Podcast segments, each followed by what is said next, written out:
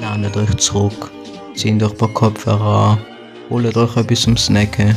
Und viel Spaß mit der heutigen Folge von Sweet and Salty.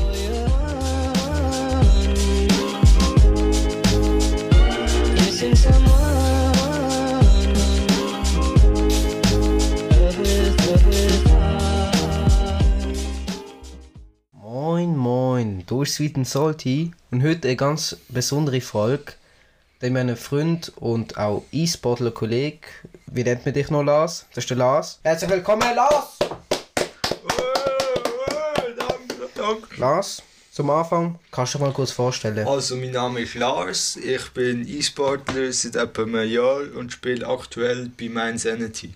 Kannst du noch sagen, was für Ah, ja, genau, Farming Simulator.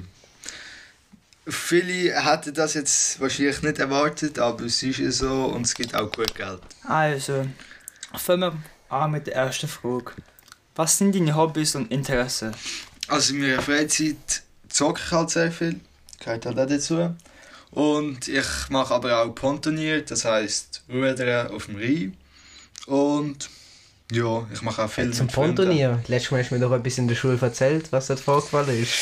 Ja, das kann sein, dass ich eventuell schon war, bin go baden. Extra. Aber mit Winter und früher Frühling. Ja. Ja. Ja, ist ein bisschen kalt, gewesen, 8 Grad, das ist so. Bist du extra reingegangen? Nein, ich bin nicht Okay, okay, gehen wir nicht weiter drauf ein. Ja. Nächste Frage, Pietro. Also, wie bist du zum E-Sport gekommen und wie wird man E-Sportler? Also ich bin eigentlich mehr oder weniger per Zufall zum E-Sport und zu dem Team gekommen. Weil ich hatte die einfach mal zufällig auf einem Discord-Server getroffen. Und nachher bin ich halt dort in das Team reingekommen, immer wie mehr. Und seitdem bin ich E-Sportler. Also du hast schon vorher Landwirtschaftssimulator gespielt. Kurz so Ansage mit dem als LS abkürzen im Podcast. Also du hast schon vorher LS gespielt, äh, bevor du in das Team reingekommen bist. Ja, aber eigentlich noch nicht so richtig und auch noch nicht so richtig Und dann bist professionell du in auf der Liga. Discord auf das Team aufmerksam geworden. Ja, eigentlich per Zufall. Okay, Julia? Und dann haben wir halt, eigentlich sind wir am Anfang haben wir noch keinen Sponsor gehabt, aber dann mit der Zeit haben wir dann einen Sponsor gesucht und auch einen gefunden. Und was hast du bis jetzt alles schon im E-Sport-Bereich äh, erreicht? Also, wir haben schon einmal den ersten Platz geholt, In was Äh, für einer Liga? in einer, in einem Turnier, Digitech-Turnier. Äh, dann haben wir mehrmals dritten Platz, mehrmals fünften und zum Teil auch Nummer neunten. Ja. Und bist du nicht einmal sogar im World Cup dabei gewesen? Ja, so dort äh, haben wir uns können qualifizieren, sind aber dann leider nicht so gut gewesen, aber es war auch okay. Gewesen. Hauptsache Cash also. Genau, genau. Gibt gut wichtig. Geld, die Turnier. Und was sind deine Ziele im Moment? Meine Ziele im Moment sind, dass ich mal die Bezirksschule kann abschließen kann und dann meine Berufsausbildung kann starten Und was sind so deine Ziele in einem Bereich E-Sport? Äh, ja, Ja, möglichst richtig, gut werden. richtig professionell E-Sport oder? Ja, auch schon. Möglichst gut werden. Auch mal schauen, dass man mal mehrmals den ersten Platz kann holen kann. Ja. Viel trainieren und alles, was dazugehört. Okay, wo siehst du dich in fünf Jahren? In fünf Jahren sehe ich mich mit einer abgeschlossenen Ausbildung und vielleicht noch ein bisschen E-Sport nebenbei, weiß ich aber ehrlich gesagt noch nicht, weil ich noch nicht weiß, wie sich die Liga entwickelt. Okay. Also erstmal sicherer Weg und nicht alles auf E-Sport setzen. Genau. Finde ich gut. Was würdest du machen, wenn dir das Team nun nicht gefällt? Also du dich irgendwie scheiße im Team fühlst? Ja. Also erstens mal würde ich mit meinen Teamkollegen darüber reden, weil das haben wir auch schon bei jemandem anders gehabt. Und nachher haben wir es eigentlich gut können klären und somit ist dann das Problem verschwunden und dort geblieben. Und sonst, wenn das gar nicht wird gehen, dann würde ich halt einfach ein neues Team suchen. Es gibt eigentlich genug. Ja. Okay, die nächste Frage, mit dem nerv ich auch manchmal ein bisschen Lars. Hast du schon mal auf Twitch oder YouTube gestreamt? Weil ich immer sage, komm Lars, stream mal. Äh, momentan noch nicht. Aber ich wäre eigentlich perfekt ausgerüstet und habe irgendwann mal auch vor anzufangen. Leider weiß ich noch nicht wann. Ich habe es auch schon seit etwa einem halben Jahr vorgenommen, aber noch nie gemacht. Und Ja. wenn du würdest streamen auf YouTube oder Twitch? Ja, eindeutig Twitch. Okay. Wir machen dir dann auch schön Werbung. Das finde ich super. Ähm, was ist im Moment dein Lieblingsspiel? Also im Moment sage ich wieder ein bisschen mehr LS.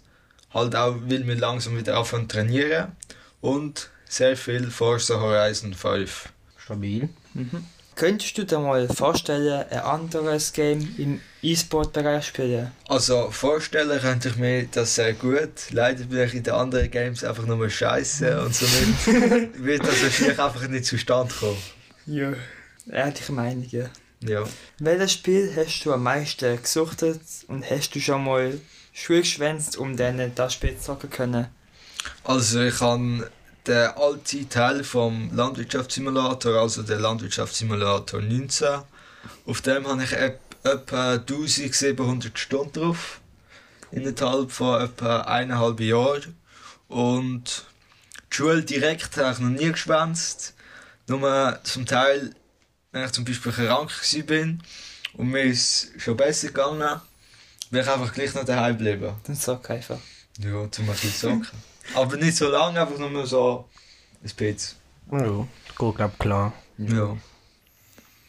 Was ist nach deiner Meinung die beste Gaming-Konsole? Ja, ehrlich gesagt, habe ich da keine Ahnung von Konsolen. Ich habe schon immer einen PC gehabt oder einen Laptop.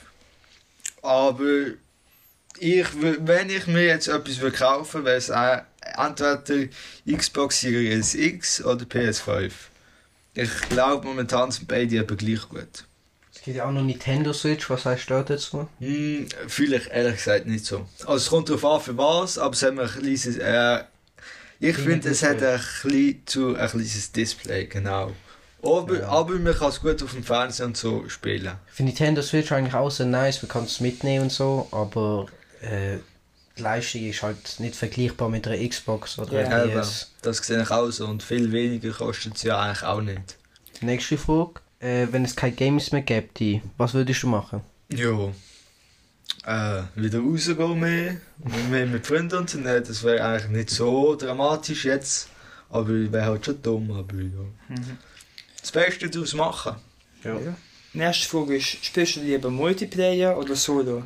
Es kommt ein bisschen darauf an. Es ist beides sehr heftig, finde ich. Aber Multiplayer macht halt auch einfach mehr Spaß.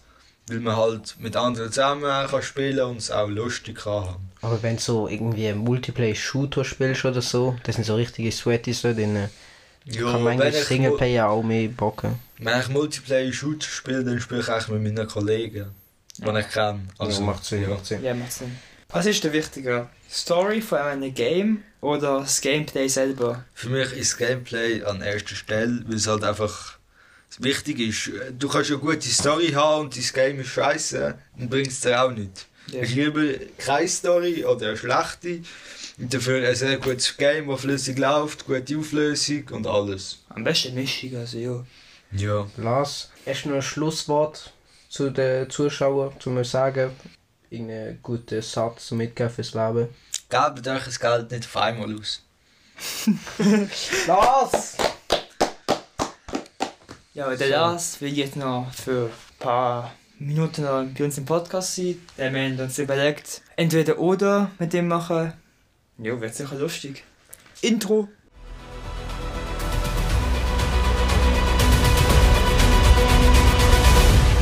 Entweder oder.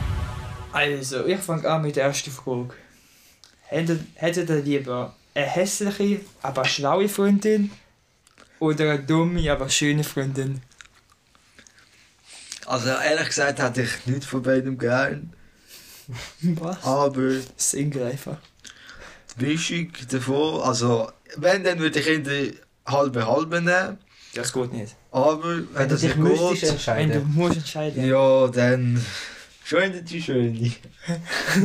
ja, es kommt darauf an, wie dumm das ist. Wenn sie nicht mal A, B, C kann aufzählen dann in die hässliche. Ja, würde ich auch sagen. Ja. Und ich meine, jeder hat eine andere Vorstellung von schön und Genau. nicht so schön. Und darum kann es auch sehr unterschiedlich sein. Ja, mit hässlich. Die Antwort ist eigentlich sehr ähnlich wie am Lars seine. Ich würde eigentlich auch ihnen die schönere nehmen, man sagt so, jo, Charakter zählt mehr, aber ganz ehrlich, wer von euch wird so eine richtig hässliche oder hässliche, Ja. nee, wahrscheinlich nicht so viel, aber wenn die jetzt auch richtig dumm ist und einfach nicht auf äh, zustande bekommt, dann würde ich auch eher die Smarty nehmen. Ja. Genau. Und dann gibt es noch die Was ist hässliche. deine Antwort? Äh, auch schöner. Also, meine nächste Entweder oder Frage ist barfuß oder mit Socken.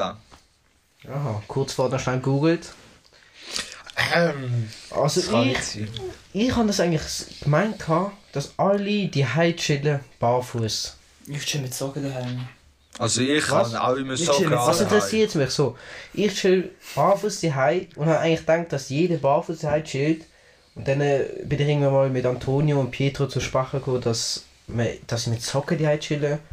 Ja klar, jetzt, wenn Besuch ist und so, äh, chill ich auch mit Socken die aber zum Beispiel, wenn ich am Wochenende aufstand und aus meinem Bett gegangen, dann laufe ich mit Socken rum. Und während der Schulzeit, äh, nicht mit Socken, wenn ich aufstand, dann laufe ich barfuß rum. Aber jetzt zum Beispiel, wenn ich schon Socken anhabe vom Tag, wenn ich von der Schule heimkomme, dann habe ich klar äh, Socken an. Aber sonst eigentlich barfuß am Wochenende. Ja, genau. Und Stufen immer mit Socken. Äh, mit Barfuß. Barfuß, Barfuß.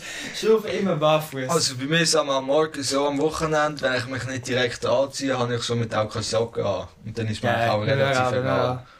Aber meistens so, dann gegen Nachmittag habe ich schon Socken an. Ja, Ja. ich auch. Aussen es ist ganz schön. Und ich kann go baden in meinem Pool und alles. Oh, Sorry, du Rich. geil. Äh, dann, dann ziehe ich natürlich meine Socken ab, weil ich dann draus bin. Und draus mit Socken, ja. Okay. Okay. Dann mies ist, würdet ihr lieber immer ähm, nach Schweiß riechen oder, oder Schweiß haben oder Mundgeruch haben? Alter. Ich glaube im Fall eher nach Schweiß, weil das kann, äh, kann man eher mit Deo überdecken als Habe ich mir auch Mundgeruch. gedacht. Weil, äh, ja, äh, Mundgeruch ist schon hässlich. Alter, Ja. Mundgeruch. Du redest mit einer Person. Schweiß, vielleicht hat auch jemand so einen geilen Schweiß, weißt du, was ich meine? Nein, weiß ich nicht, aber ja. Ja, egal. Kann man eh mit Deo überdecken und Parfüms und so und Mundgeruch mit Kaugummi oder so, aber... Ja, das Ja. kommt dann wieder. Ja, Digga, wenn du küssen willst, mit Kaugummi noch dazu, richtig ekelhaft. Bäh. Digga, nein. Ich würde das sagen, eh nach Schweiß. Ich auch Schweiß. Ja. Pietro, deine zweite Frage. Meine zweite Frage. Von Kleider her. H- Hände die über Adidas oder Nike? Puh, Also- weiß jetzt nicht. Also, also- mir ist das eigentlich relativ egal, ich sagen, aber ich tendiere am zu Nike. Ja, am besten schon H&M, ja, muss ich dazu geben. Aber ich will, ich tendiere nicht zu Adidas. Ich tendiere eher zu Nike, aber ich das Also ich halt muss sagen, schon länger kenne. Eigentlich kann ich... Aber mir ist das eigentlich grundsätzlich egal. Also ich lege da, da auf, da, wann ich Lust habe. Eben, Ja. Mir ist es eigentlich auch egal, ich habe jetzt zum Beispiel Adidas Schuhe und aber irgendwie von Nike finde ich irgendwie die Schuhe nicer. Es Ja. gibt irgendwie nice Schuhe, es gibt die SB Dunks, die finde ich noch nice. Und Ja. darum würde ich eher Nike wählen, auch obwohl ich jetzt Adidas Schuhe habe. Und mir ist es eigentlich auch nicht so wichtig, was ich jetzt von diesen beiden habe. Und ja. Ja, ich finde auch allgemein äh, Nike besser. Aber im Bereich Kleidung, also so Pullis und so, finde ich Adidas besser. Also Nike eher im Bereich Schuhe, Adidas Bereich Kleider. Ja. Das? Meine nächste Frage, Er kann zum Blasen auf seinem Blog. äh, meine nächste Frage, Frage ist, was steht? Schweizerdeutsch. Schwitzen oder, ah genau, schwitzen oder frieren. Also meine nächste Frage ist, würdet ihr lieber immer schwitzen oder immer frieren? Also immer kalt haben. Mm, ich glaube eher. Also auch, kann ich egal was Ratio nicht kalt? Oder kann ich das zum Beispiel. Da weiss ich ich ganz nicht, kannst du selber, nein, eigentlich egal was, egal was du hast, egal was, du bist immer Also heiß es geht eigentlich kalt. eher ums Gefühl. Und nicht, Es geht ums Gefühl. ich kann jetzt nicht genau. sagen, ich bin kalt und ziehe mir dann einfach die Jacke an. Nein, nein, du, es geht nicht ums Gefühl. Ich glaube eher kalt. Ja, ich würde auch kalt. Weil, wenn wenn du heiß hast, Dann schwitzt Ja, du das stinkst heftig. Aber ich finde, es ist beides scheiße. Jo, aber wenn du müsstest wählen, ich würde kalt Ich nehmen. würde Also auch kalt frieren. nehmen. Das auch. Ja. Okay, dann meine zweite Frage und auch abschließende Frage. Würdet ihr lieber euren Browserverlauf an eure Freunde zeigen oder den ganzen Inhalt von eurem Portemonnaie verlieren? Ganz Inhalt beim Portemonnaie verlieren. Obwohl, obwohl, warte, Oh, warte. was schön, das hast du in deinem Browser verlangt. Also ich will den Browserverlauf zeigen. Ah, der Browserverlauf von Incognito-Tab, wo, sagen wir, man könnte schauen oder nicht? Ja. Ja, braucht man, ah, obwohl, ah, ah. Also ich obwohl meine Kollegen wissen, was ich schaue, also nicht mehr lieber Browserverlauf zeigen. Also ich muss meine, das ist sagen- eigentlich nichts Schlimmes. Ja, eben. Ich Also- habe hab nicht mal ein Portemonnaie. ich trage Sachen einfach in der Hosentasche, aber ein Portemonnaie mit all meinen wichtigen Karten und Geld drin, ich safe Browserverlauf zeigen. Lass uns die Überleitung machen zu den geilen Wellness-Sounds. Ja, jetzt kommen die perfekten Sounds zum Entspannen. Okay. Let's go.